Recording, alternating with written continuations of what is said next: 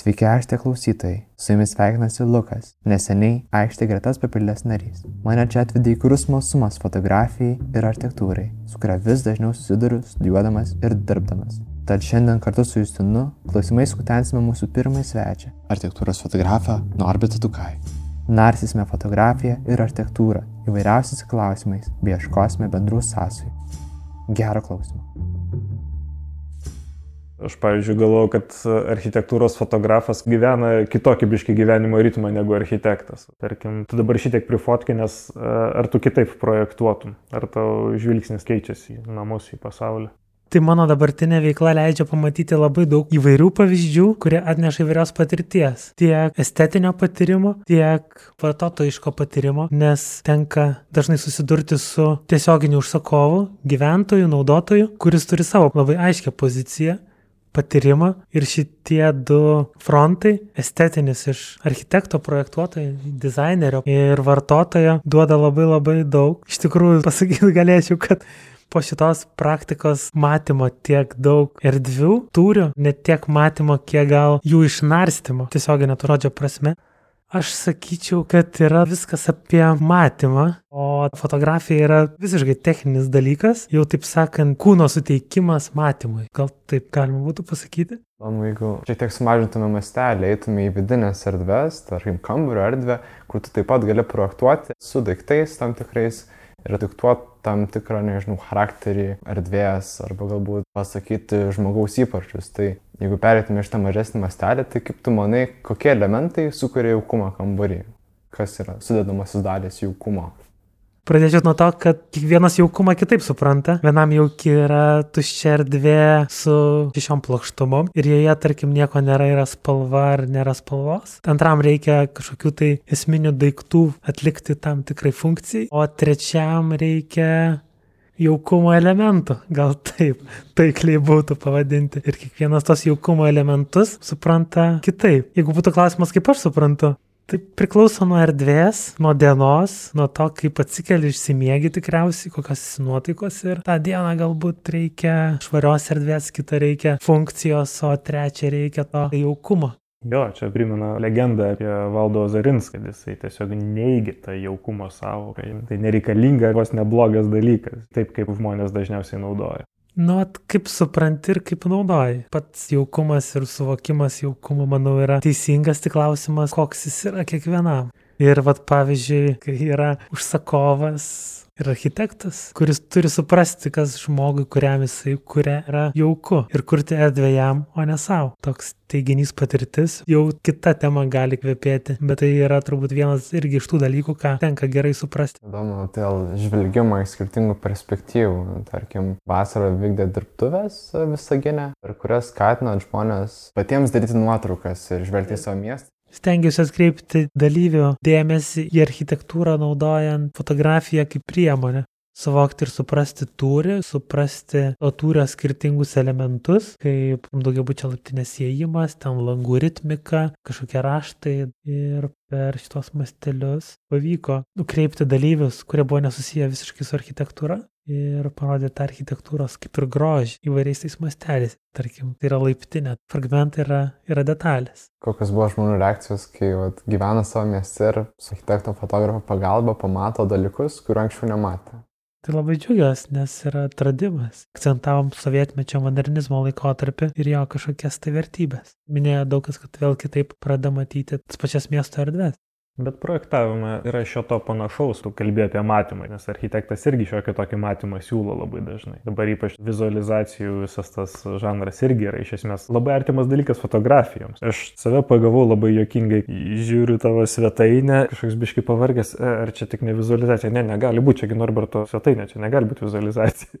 Ir iš tos pusės, ar nesuartėja truputėlį ir galvoja, kad nors kaip architektas mato ir bando vizualizuoti ir pateikti, ar nėra kartais bandymas atkurti vizualizaciją vizualizacijų su ta fotografija, dar aukštesnės kokybės negu kad gali kompiuteriai padaryti. Atkurti idealų atitikmenį vizualizacijai dar neteko. Tekė ir susidurti su rakurso dar kažkokiu tai momentu, kuris yra architekto užtvirtintas ir įsisamonintas naudojant vizualizaciją. Ar prieartėjimas, ar atitrukimas nuo to yra gerai ar blogai, tai nežinau, čia vėl priklauso turbūt nuo stilistikos, tikslo ir, ir viso kito. Tau tai pasirodė panašu į vizualizaciją tikriausiai dėl kažkokios techninės kokybės, kuri iš principo primena vizualizaciją. Čia labiau gal yra stilistika arba veiklos kryptis - meninė ar komercinė.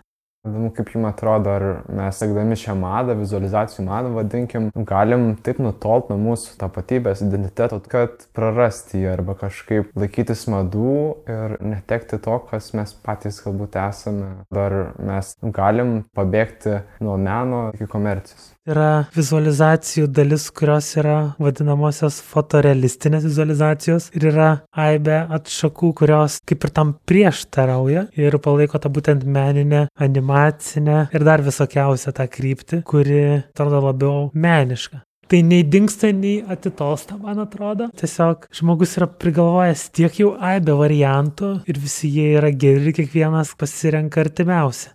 Čia kaip su to jaukumu.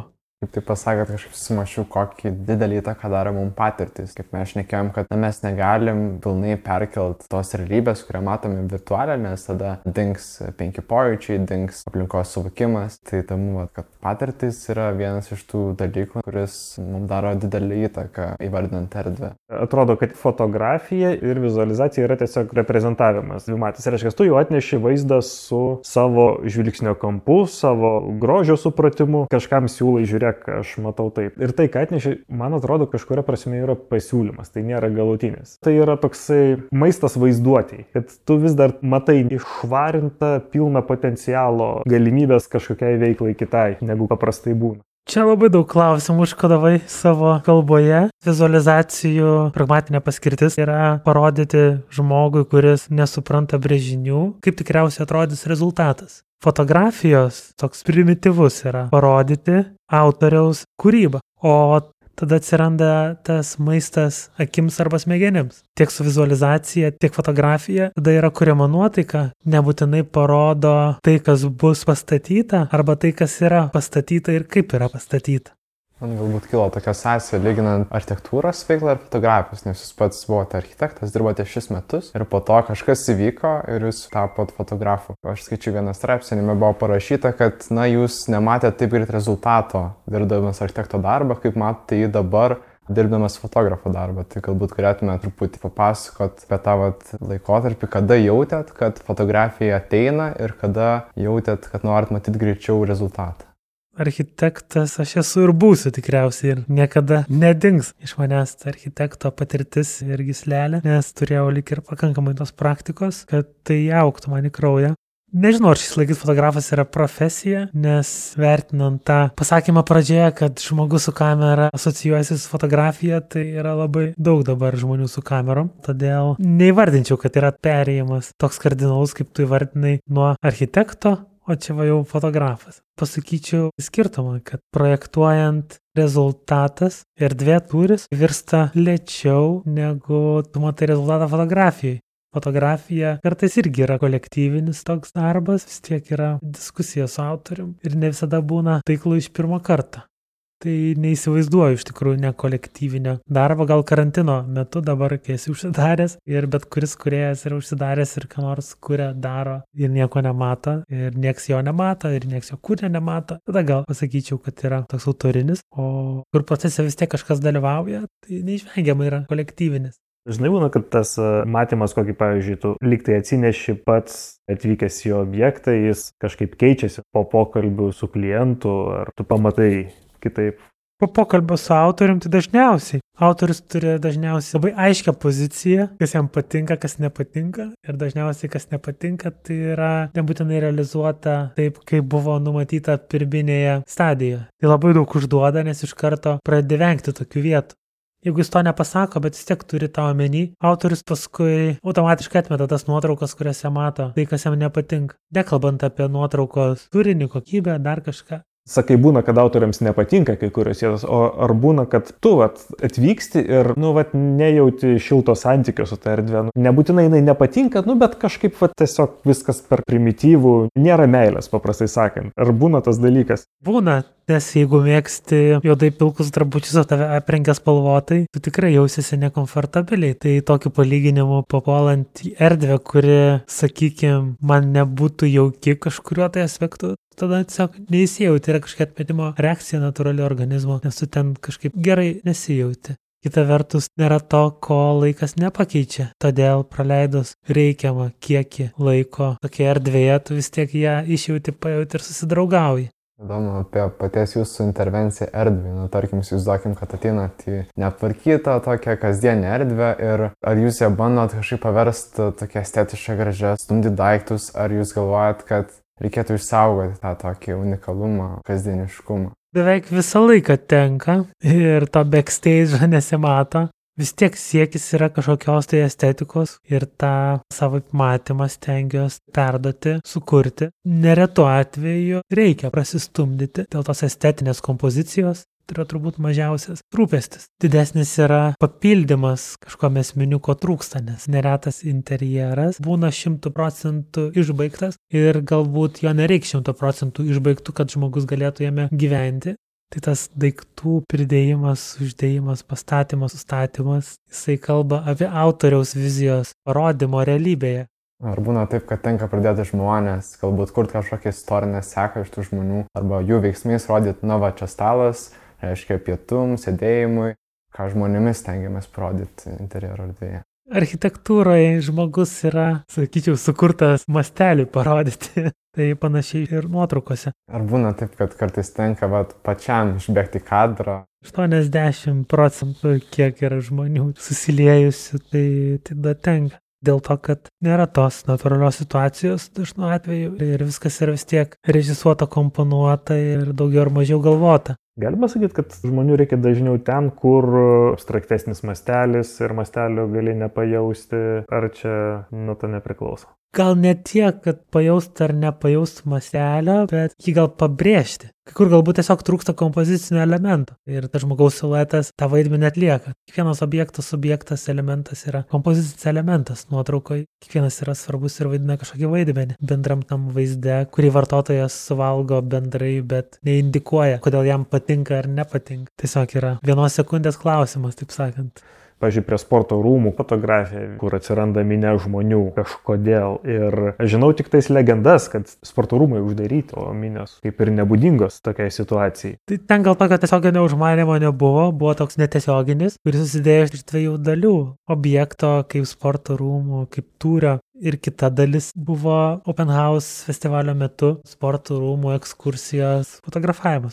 Ir taip kažkaip natūraliai gavosi, kad turėjau dvi nuotraukas, tušį ir su žmonėm. Ir kažkaip sulipo. Fotografuojant to dar nemačiau. Tai tiesiog įvyko procese, bet tas žmonių impulsas uždavė mintį kitai serijai kažkaip man iškilo prieš akis kita fotografija. Prie Vilkaviškio autobusų stoti fotografavai su to šešėliu. Ant e, labai švarios didelės sienos tiesiog atprojektuotas priešingos gatvės pusės siluetas. Gyvenamų dvišlaičių namų, ten su kaminukai matosi, žodžiu, toks iš esmės kontekstas. Ir ne tik erdvinis, bet ir gali sakyti vos neistorinis. Ta labai švari fotografija, jinai tapo aikštėje konkurso vaizdeliu. Jis labai tiko, nes mes kalbam apie namus šiek tiek daugiau. Štai ne veltui tą biškai kutenam klausimais apie jaukumą. Bet apie tą konkrečią nuotrauką man labai patiko tas sutapimas, kad turim fantastišką tekstą tame konkurse atkeliavusi, būtent su dėmesiu Vilkaviškio stočiai, kur pirmas įspūdis atvykus, ai čia kažkokia atšiauri siena, panašiai kaip ir visos stotis, nesupratau, ko čia reikia ir nuėjo kažkokių dvarų ieškoti toliau autorė. Ir grįždama tik tai atrado tas formas įdomesnės su gamta persipinusias. Kai fotografavau, tai žinojau, kad kažkas iš šito bus. Turėjau nuojautą. Ir kai paklausė manęs dėl nuotraukos, ar ką nors namų tema turi, abstraktaus, pagalvojau, turiu. Tai tas matymas vyras yra ne tik sukonstruotas, bet jis būna ir toks spontaniškas. Jo, tai matymas yra, yra apie pastabumą, Ir dažniausiai tu nenumatysi labai daugelio dalykų, kaip praeiviai, automobiliai pravažiuojantis, šešėliai nuo kažko krentantis, debesis, dar kažkas. Mano manimu, lengviausia yra juos pamatyti, pastebėti, kai jie yra. Reikia tų valandų. Ką gali numatyti, tai labiau yra gal, kaip šiai dienai suprantu, išskirtinės oro sąlygos, kaip rūkas, sniegas, dar kažkoks. Ką esi numatęs ir lauki, kad prisniktų puriai ir nenuvažinėtų automobiliai to sniego dar. Ir tada turi skubėti, kol nuo medžių šakų tas sniegas nenubiro. Kada jums anksčiausiai teko keltis, medžioti kadrą? Nežinau, kokį gal antrą, trečią, kad jau penktą būtum kitą mieste. Su penktą plius minus ten teka saulė ilgiausiam dienom koks, tarkim, yra pojūtis stebėti į tavo reiškinį saulės tikėjimą ar kažkokį rūką per fotoaparato skiltę ir gyvai. Visų pirma, gyvai tai matai, fotoaparatas tik priemonė padeda tai kažkaip užfiksuoti ir nebūtinai taip gerai, kaip matai akim. Čia ir prasideda techninių ribų išmanimas ir panaudojimas, kad jos padėtų pertikti tai, ką matai. Tai visuomet saulėdžiai, saulėtikiai atrodo puikiai. Labai įdomu, kaip tas tavo matymas yra užsakomas, kaip skamba tos formuluotės, žinai. Būna, kad sako, man reikia čia, vat, kad būtų vakarinė ten saulė, tada labai geras kompas, mano fasadas labai smagiai šviečia, arba man reikia rūko, ar sako, tu nufotografuok, kaip tau patinka, atnešk. Neturint vizualaus to rezultato labai sunku apie jį kalbėti ir įsivaizduoti. Visada aišku yra krūvos pavyzdžių, kuriais gali pasiremti, susitariant kažką tai, apsitariant būna kažkokio tai išskirtinumo noras, būna tiesiog supranti, kad nufotografuoti reikia tvarkingai, bet jau esu kažkokią kartelę pasiekęs, kur paprastai tvarkingai nebeužtenka, kažko tai reikia daugiau gal čia. Ir mano iššūkių yra. Yra netgi terminas Instagramable architecture. Ji turi būti fotogeniška pirmiausia, gerai žiūrėtis pro kamerą, Kiekvienas autorius nori, kad jo kūrinys būtų žiūrimas, matomas, pastebimas. Tas yra susijęs su Instagramu arba, kad tu netiesiogiai vardini vartotojiškumu vaizdo ir tas tada tiesiogiai pradeda sėti su autoriaus rezultatu, jeigu autorius turi tokią ambiciją, arba tiesiogiai pradeda įtakoti objekto fotografiją. Vartojimas mūsų irgi labai pasikeitė, sakyčiau. Telefono ekranuose vartojam turbūt didžiąją dalį fotografijų. Vartotojiškai yra tai, ką mato žmogus. Žmogus nemato visumos, dažniausiai jisai mato fragmentus. Žmogaus akies apriepiamas diapazonas vaizdas yra toks, todėl jaunosios architektų studijose dėstytojai nuo pat pradžių pradeda mokyti, matyti abstrahuotai, matyti visumą, nes tai yra nenatūralu iš prigimties, bet iš profesinės pusės tą turi matyti. O ką Instagramas pakeičia, tai šiek tiek mastelį įtakoja, kuris rodo labiau ne visumą, o kažkokius tai fragmentus, tai ką ir suvokia žmogus realybėje. Nors dronai kaip tik yra dar kita technologija, kuri leidžia tą visumą Jo, jo, bet čia tai yra technologinė priemonė, kuri papildo architekto norą matyti visumą, praplečia tą mastelį ir visi tie masteliai yra labai geri. Nes ir daugiau yra, ir ne tik 300 šiam panoramos, bet ir virtualūs pasivaikščiojimai įvairūs dalykai. Čia jau medija prasideda tikriausiai, nes yra vis tiek tas duda vaizdas, kuriame nuo konteksto per keturis ar penkis mastelius galim priartėti iki medžiagiškumo kažkokią tai. O tos technologijos, medijos susijusios labiau gal su virtualiu virtualią realybę. Vėl mes grįžtame, atrodo, į pradžią, kai diskutavom, ar jūsų kadrai gali kažkaip peraukti vizualizacijas, tas ryšys tarp virtualios realybės ir fotografijos. Ar gali būti taip, kad sukursim kūrinį, kuris bus net aukščiau už tą realybę, kurią mes matome. Čia nuo įgūdžių priklauso, yra tokia labai gera viena daniška vizualizacijų kūrimo jau studija, kuri tą realybę pakuria pakankamai realią. Tai čia dar ta techninė prasme, bet man dar įdomu ir ta psichologinė prasme. Dažnai projektas kaip svajonė, kaip čia bus ir fotografija išvalyta su labai tokiu gero skonio žvilgsniu iškadruota. Visą tai irgi kažkuria prasme gali sakyti, kad gali būti pagerinta tokia realybė. Fotografija parodo labiau viziją yra kažkoks filtras, kuris pereina ir atrenka, kas turi būti rodoma ar nerodoma. Pas mus tas gyvenimas yra dar labai labai nerodomas, užsienyje jis yra rodomas daugiau ir nuo jo yra ne visuomet bėgama. Kodėl vat, žmogus nori pabėgti arba neviešinti tam tikrų dalykų iš savo būties, iš savo kasdienybės, Nežinau, galiu tik tai pamastyti, ar gražu ar negražu. Negražu gal. Vieną pastebėjimą turiu, kad abstrakčių savo būtis yra neįdomi, o svetima įdomesnė. Tai čia toks kultūrinių skirtumų pastebėjimas, kodėl toje pačioje šalyje, tarkim, fotografuojant kažkokią realizaciją yra privengiama kažkokios tai realybės. Tiesiog jinai yra toje pačioje šalyje neįdomi. Nuostabiai pataikiai, nes vienas iš interviu žmonių bus Jėva Saudargaitė, kuri savo fotografijose rodys kitų kultūrų interjerus Būtent vat, į šitą aspektą, kur yra būtis, liktais pažįstama, bet jau kitokia ir jau įdomi. Aš manau, gal tai būtų labiau dokumentinė, o dokumentinė reiškia realybės kažkokį tai atvaizdavimą. Realios realybės nerežisuotos. Tokį vieną klausimą noriu paklausti apie istoriją, kurią pasakojate kompozitorių namuose. Su muzikantais jūs išdėliojate tam tikrose vietose, gal galite daugiau pasidalinti patirtim. Buvo eksperimentas, kompozitorių namų funkcija padiktavo turinio užpildymą muzikantų o jų vieta buvo pasirinkta tokia, kad dauguma pabrėžtų kažkokią tai architektūrinę formą. Tai buvo toks labiau gal pažaidimas tais muzikantais. Tuo pačiu, nežinantiems pastato funkcijos, toks labai tiesioginis pareiškimas, kad jis yra susijęs su muzika. Tai žinoma, gal reikėjo kompozitorių turėti ar dirigentą, bet kažkaip pasirinkau muzikantą, kuris kaip ir sukuria tą muziką šaltą, apsnigtą trečiadienio vakarą baigiame pokalbį iš namų studijos. Ačiū, kad buvote kartu. Lauksime jūsų sugrįžtant. Iki kito pokalbio.